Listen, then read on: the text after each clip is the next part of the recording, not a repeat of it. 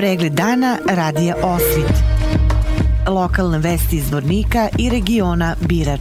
Pratite pregled dana za 10. maj 2022. godine. Saobraćaj se na putevima Zvorničke regije tokom dana odvijao po suvim kolovozima. Sa autobuske stanice Zvornik svi autobusi saobraćali su redovno. Što se tiče vodosnadbevanja, za danas bilo je uredno. Zbog radova na trafostanici Čalopek 3 Miloševići, danas je bez struje u periodu od 9 do 14 časova bilo kompletno područje ove trafostanice. Pripadnici službe profesionalne vatrogas jedinice iz Zvornika imali su miru noć, bez intervencija. Pripadnici policijske uprave Zvornik zabeležili su dva krivična dela u Zvorniku i Vlasenici. Dogodila se jedna saobraćena nezgoda u Vlasenici u kojoj je pričinjena materijalna šteta, a jedno lice je lišeno slobode do otrežnjenja zbog vožnje pod dejstvom alkohola.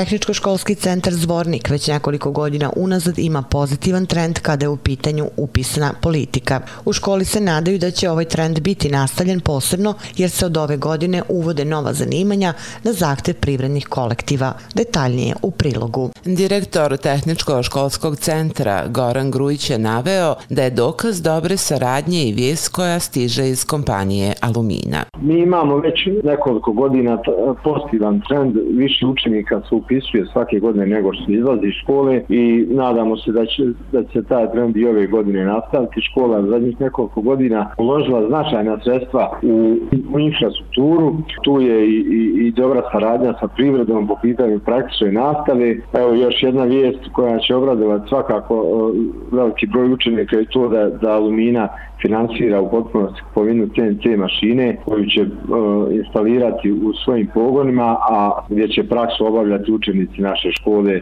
tehničar za CNC tehnologije. Budućim učenicima Tehničko-školskog centra na raspolaganju su mnogobrojna zanimanja. Prema planu upisa za školsku 2022-2023 godinu u javnoj ustanovi Tehnički školski centar Zvornik planirano da se upiše ukupno 216 učenika, to je 9 odeljenja. Od tih 9 odeljenja, tri odeljenja su kombinovana zanatska i to u struci elektrotehnika, to su električar, autoelektričar, u struci mašinstva obrada metala, to su brava zavarivač, plus obrađivač metala rezanjem i u struci saobraću, to su vozač motornih vozila i rukovalac građevinskih i pretovarnih mašina i kranova. U svim ovim zanimanjima upisujemo po 12 učenika. Što se tiče četvrtog stepena, to su zanimanja u elektrostruci tehničar elektroenergetike, tehničar računalstva i programiranja po 24 učenika. U saobraćaju to je tehničar drumskog saobraćaja i tehničar logistike i špedicije po 24 učenika. U struci mašinstva to je tehničar za CNC tehnologije 24 učenika i u novoj struci građevinski tehničar također 24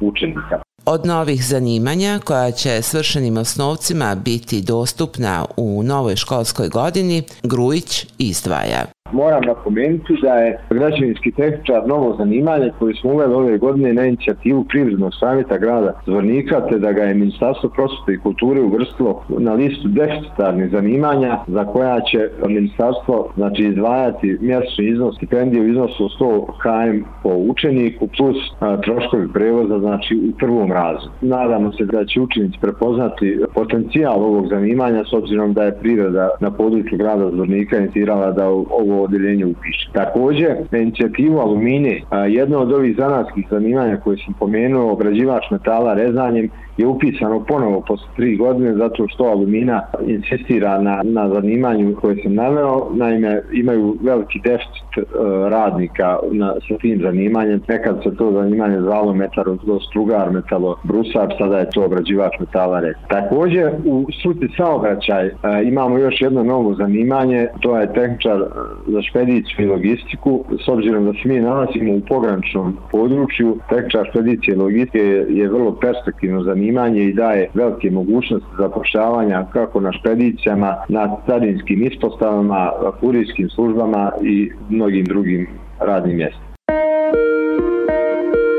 Zvornička policija lišila je slobode lice inicijala Mso iz Bijeljine za kojim su raspisane dve centralne poternice. Kako je navedeno u saopštenju policijske uprave Zvornik, lice MS je lišeno slobode na osnovu raspisanih centralnih poternica Osnovnog suda u Bijeljini i Osnovnog suda u Zvorniku zbog počinjenih prekršaja iz oblasti bezbednosti saobraćaja. I policija u Osmacima je uhopsila lice za kojim je raspisana centralna poternica. Lice DH iz Capardi lišeno je slobode na osnovu raspisane raspisane centralne poternice Osnovnog suda u Zvorniku zbog počinjenih prekršaja iz oblasti bezbednosti saobraćaja. Nakon završene kriminalističke obrade, oba lica su predata u dalju nadložnost Okružnom centru sudske policije Bijeljina. Juče je oštećena kamena ploča na stepeništu prema džamiji u Kušlatu. Stepenište je nedavno izgrađeno i obnovljeno. Iz policijske uprave Zvornik obaveštavaju da je lice KS iz Bratunca prijavilo lice NM iz Iliđe zbog oštećenja kamene ploče stepeništa, a koje vodi ka džamiji u mestu Kušlat. O svemu navedenom obavešten je dežurni tužilac okružnog javnog tužilaštva Bijeljina.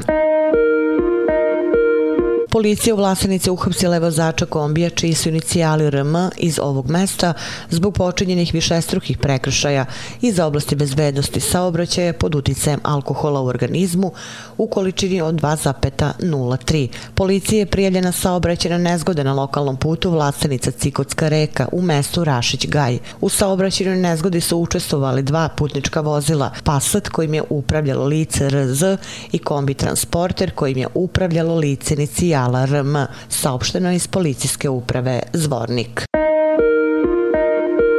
U organizaciji Zvorničkog dramskog pozorišta u Domu omladine u Zvorniku sutra počinje deveti međunarodni festival Dečijeg pozorišta Zvono, koji će trajati do petka 13. maja. Festival će svečano biti otvoren sutra od 13 časova nastupom osnovne muzičke škole Vojnko Madina i predstavom Mala princeza studija BIS iz Beograda. Nakon toga od 17 časova omladinsko pozorište Morava teatar iz Čačka odigraće predstavu Crvenkapa.